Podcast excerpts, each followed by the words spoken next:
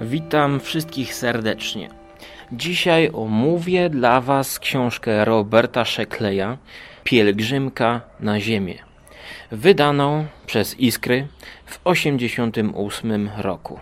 Jest to zbiór opowiadań amerykańskiego pisarza. Wyboru dokonał Lech Jęczmyk. Również on między innymi tłumaczył, a jest to człowiek zasłużony dla propagowania fantastyki w Polsce. I polski zbiór zawierający 27 tekstów po części bazuje na oryginalnym zbiorze z lat 50. pod tym samym tytułem. Jednak są tu zupełnie inne teksty. Tutaj mamy większy wybór i po prostu tylko tytuł zbiorku został taki sam jak oryginalny tytuł, czyli Pilgrimage to Earth z lat 50., który był jednym z pierwszych zbiorków Roberta Shekleya. Kim jest Robert Sheckley? Otóż mam przed sobą miesięcznik Fantastyka z 1985 roku. Są tutaj mm, dwa opowiadania Shekleya. Pielgrzymka na Ziemię, a także wykaz ważniejszych epidemii. I te opowiadania są w książkowej edycji. Wiele z tych opowiadań ukazywało się zarówno na łamach fantastyki, jak i w zbiorach, kompilacjach typu Kroki w Nieznane z lat 70., taka kilkutomowa antologia fantazy, a także Rakietowe Szlaki. W krótkiej biograficznej notce gazeta pisze Pisarz uznawany za mistrza krótkiego opowiadania – jest już znany naszym czytelnikom. Sprawdźcie sobie numer 83. I tym razem akcję swojego utworu umieścił w odległej przyszłości. Mieszkaniec jednej z wielu skolonizowanych planet udaje się na Ziemię, jedyne miejsce w galaktyce, gdzie można znaleźć prawdziwą miłość. Jest to skrót fabuły Pielgrzymki na Ziemię, tytułowego opowiadania. Ja nagrywam właśnie pięknych okolicznościach przyrody. Słyszycie ptaszki, pieska szczekającego gdzieś w oddali. I całe szczęście nie jestem na żadnej obcej planecie i nie będę musiał pielgrzymować do swojej ojczyzny, ale właśnie dzięki niesamowitej wyobraźni Szekleja mogę podróżować w przeróżne światy w tych krótkich opowiadankach. Prawie 30 opowiadań na 340 stronach i cechą wspólną tego jest różnorodność. Otóż ten facet rzadko kiedy powtarza się. Jest niezwykle wszechstronny.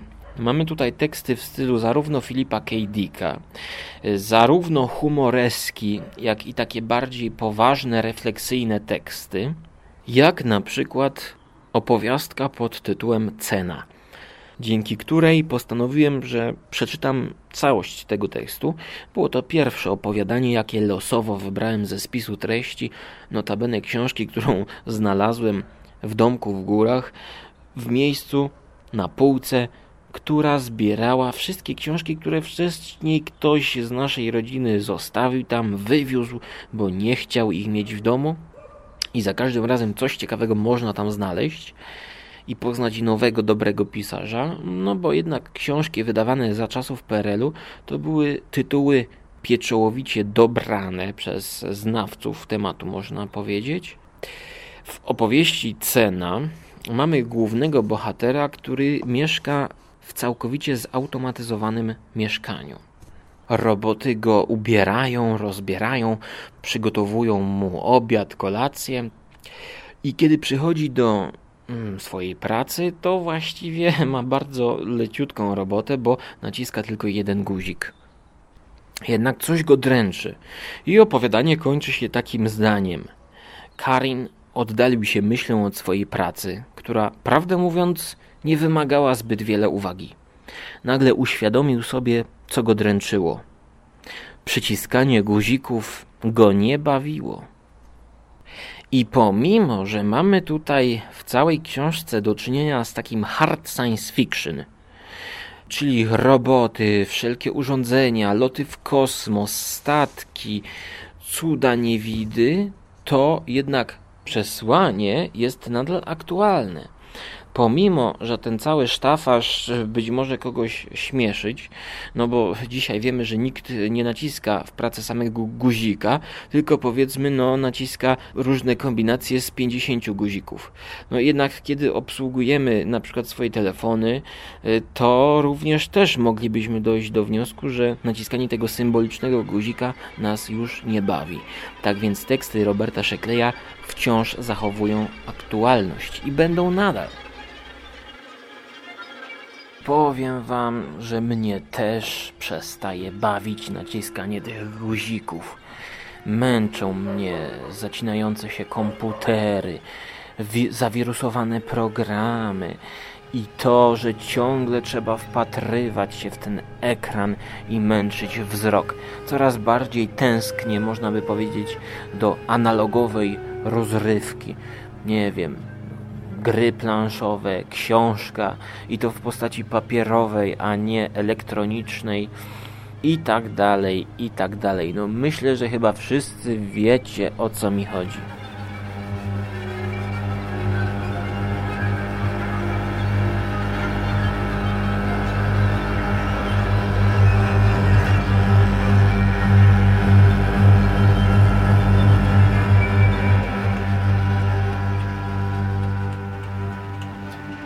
Patrząc na spis treści, mógłbym właściwie streścić Wam każde opowiadanie, bo pomimo, że zbiór ten czytałem ponad pół roku, tak raz na tydzień, raz na dwa tygodnie czytałem sobie jedno opowiadanie, to 90% fabuł pamiętam bardzo dobrze. Teksty te zapadają w pamięć. Przedstawię Wam jeszcze zwiadowcę minimum – Rozpoczynający tę antologię tekst opowiada o człowieku, któremu się nic nie udaje, prześladuje go pech. Sytuacja jak z jakiejś komedii i taki człowiek jest poszukiwany przez najbardziej rozwiniętą organizację, która podbija kosmos i zdobywa nowe planety. Szuka miejsca w innych światach dla ludzi, dla podboju kosmosu. I dlaczego taki facet, którego prześladuje permanentny pech, jest im potrzebny? Ano dlatego, że jest to zwiadowca minimum. Czyli jeżeli oni wyślą takiego chłopa, roztropka, na jakąś planetę, to jeżeli jemu się powiedzie, to znaczy, że no najgorszemu idiocie również się tam powiedzie i będzie można skolonizować to miejsce. Tak więc pomysł zupełnie przewrotny. A oprócz tego Sheckley potrafi zaskoczyć nas zakończeniem. Prawie każde opowiadanie ma tutaj czy też humorystyczny wydźwięk, czy w jakiś sposób przewrotny i dlatego czytanie tego zbioru nie nudzi. I zastanawia mnie właściwie, czy jest sens sięgać po nowe rzeczy science fiction, jakie się pojawiają, ponieważ e, tego typu zbiory klasyków można nabyć na aukcjach internetowych za grosze. Powiedzmy do 10 zł już z przesyłką można mieć taki zbiór i wiemy, że jest to coś, co wpłynęło na rozwój gatunku, co stanowić może wzór do naśladowania i stanowiło, a także jest takim zbiorem skrzących się pomysłowością idei, które są rozwijane adoptowane przez innych pisarzy. E, są często na podstawie takich pomysłów robione filmy, bądź też echa pomysłów pisarzy science fiction starej daty gdzieś tam pobrzmiewają w tych dziełach filmowych. Na podstawie dwóch tekstów, które są w Pielgrzymce na Ziemię, powstały nawet filmy. Tekst Siódma Ofiara opowiada o społeczeństwie, w którym każdy może zostać y, mordercą do wynajęcia i każdy może w takiej grze upolować drugiego człowieka. Jednak upolować człowieka, który również zgodził się na zasady tej gry. Cały system tamtego społeczeństwa oparty jest na takiej poprawce do konstytucji, która zezwala na samobójstwa. To znaczy czyni je legalnymi. I człowiek, który chce popełnić samobójstwo, może zapisać się do takiej gry i jakby podstawić się tym łowcom, którzy mogą go wytropić i czym więcej zabiją tych ludzi, to wchodzą na wyższy poziom. Tytułowa siódma ofiara jest jakimś tam wyższym poziomem wtajemniczenia, no jednak ten, który wchodzi do takiej gry jako łowca, może także stać się zwierzyną, więc jest ciężko. Na podstawie tego tekstu w 1965 roku powstał film e, włoski z Marcello Mastrojanim i Urszulą Anders. A propos właśnie maszyn wszelkiego rodzaju, tuż za płotem sąsiad uruchomił jakąś wielką kosiarę przypominającą jakąś wielką żniwiarkę, za pomocą której na obcej planecie można by zbierać cenny kruszec. Tak więc musimy jakoś to przetrzymać. Z chęcią obejrzałbym ten film, a także późniejszy tekst pod tytułem Cena ryzyka, który został zekranizowany w latach 80. z Michałem Piccoli, a także film pod tytułem A stawką jest śmierć, opowiadający o człowieku, który bierze udział w telewizyjnym show, który ma uciekać przez ileś czasu przed mordercami, którzy mają go złapać. Jeżeli uda mu się przetrwać, to dostanie pieniężną nagrodę. Jeżeli uda mi się znaleźć ten film, to z pewnością go obejrzę, aby zobaczyć, jak taki krótki tekst został rozwinięty. Ale czy coś Wam się nie przypomina? Oczywiście, narzuca się tutaj powieść Stephena Kinga, Running Man, którą napisał pod pseudonimem Richard Bachman oczywiście zekranizowaną z Arnoldem Schwarzeneggerem w latach 90. pod tytułem Uciekinier. Tak więc widać, że no, opowiadanie znacznie wcześniejsze niż King. Myślę, że King tutaj na pewno czytał ten tekst, tym bardziej, że film i napisał swoją taką brewerię, oczywiście troszkę zmienioną, bo tam mamy do czynienia ze skazańcem, jednak mm, dokładnie w tym klimacie. Odnośnie skazańców, to też mamy tutaj bardzo ciekawe opowiadanie. Skazaniec w kosmosie opowiada o jakimś obcym mm, postaci innej rasy, która zostaje skazana na wieczne dryfowanie w statku i tę dziwną rasę spotyka ekipa ze statku właśnie z Ziemi. Mamy tutaj ciekawe zetknięcie się obcej cywilizacji z, z naszą. Bardzo interesujący i przewrotny tekst. Mm, następnie niekończący się western, właściwie opowiadanie przewidujące przyszłość, bo to, co jest w tym tekście, to dzisiaj właściwie się po części ziściło. Mm, tam aktorzy wynajmowani są do niekończącego się westernu, w którym to westernie mają improwizować i właściwie jest oddzielony obszar, na którym oni mają y, żyć, jak y, na prawdziwym dzikim zachodzie. Wszędzie są poukrywane kamery. Montażyści tworzą z tego taki reality show, wybierając co najlepsze kawałki, co najlepsze kąski i najlepsze sceny.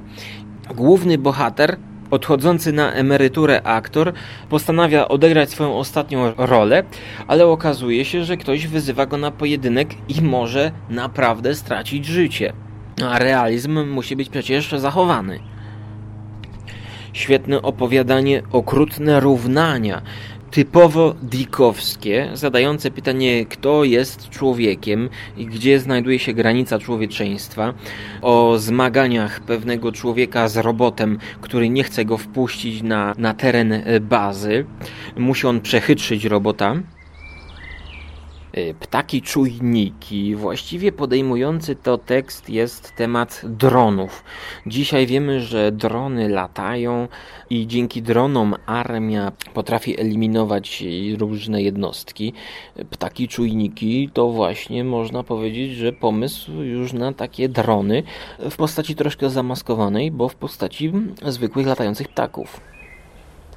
Wykaz ważniejszych epidemii no powiem wam, że czytając to opowiadanie miałem niezbite przeczucie, że mogłoby stać się inspiracją dla jednego z odcinków serialu Fringe. Jakiś dziwny przybysz z przyszłości teleportuje się na Ziemię i chce uratować ludzi przed zbliżającą się epidemią, sprzedając im pigułki na ulicy. Oczywiście wszyscy traktują go jak jakiegoś świra, a kiedy przychodzi epidemia, no to tego mocno żałują. Mógłbym tutaj jeszcze streszczać wiele opowiadań, które będą narzucać się z dzisiejszymi produkcjami, filmami, serialami, ale mam nadzieję, że te, które Wam po części przedstawiłem, zachęcą Was, by zobaczyć, jak świetne pomysły rozwijane już były w science fiction od lat 50., bo ten Amerykanin debiutował w 52 roku. I chyba rzeczywiście najlepsze są jego opowiadania, bo tak mnie wciągnęły, że zamierzam zakupić sobie jakiś inny zbiorek i zobaczyć, czy kolejna antologia będzie również trzymać poziom. No, tytułowe opowiadanie w sumie najmniej mi się podobało. Jednak ostatnie bitwa, takie w stylu Izaaka Asimowa, jest tekstem, który świetnie kończy ten zbiór. Ja serdecznie Wam go polecam. Wydawnictwo Iskry, seria Fantastyka i Przygoda. Jest to coś, co dla każdego fana science fiction będzie świetną gratką i być może odkryciem, bo nie jest to pisarz w Polsce dzisiaj jakby z pierwszych stron gazet. Troszkę już zapomniany, a warto go odkryć. No tym bardziej, że przeglądając sporo numerów fantastyki z lat 80., właśnie do kupna gazety zachęca jego nazwisko, wybite największą czcionką. Tak więc spróbujcie odkryć jego twórczość sami. Trzymajcie się i do zobaczenia na jakiejś pielgrzymce, może na Ziemię, a może na Marsa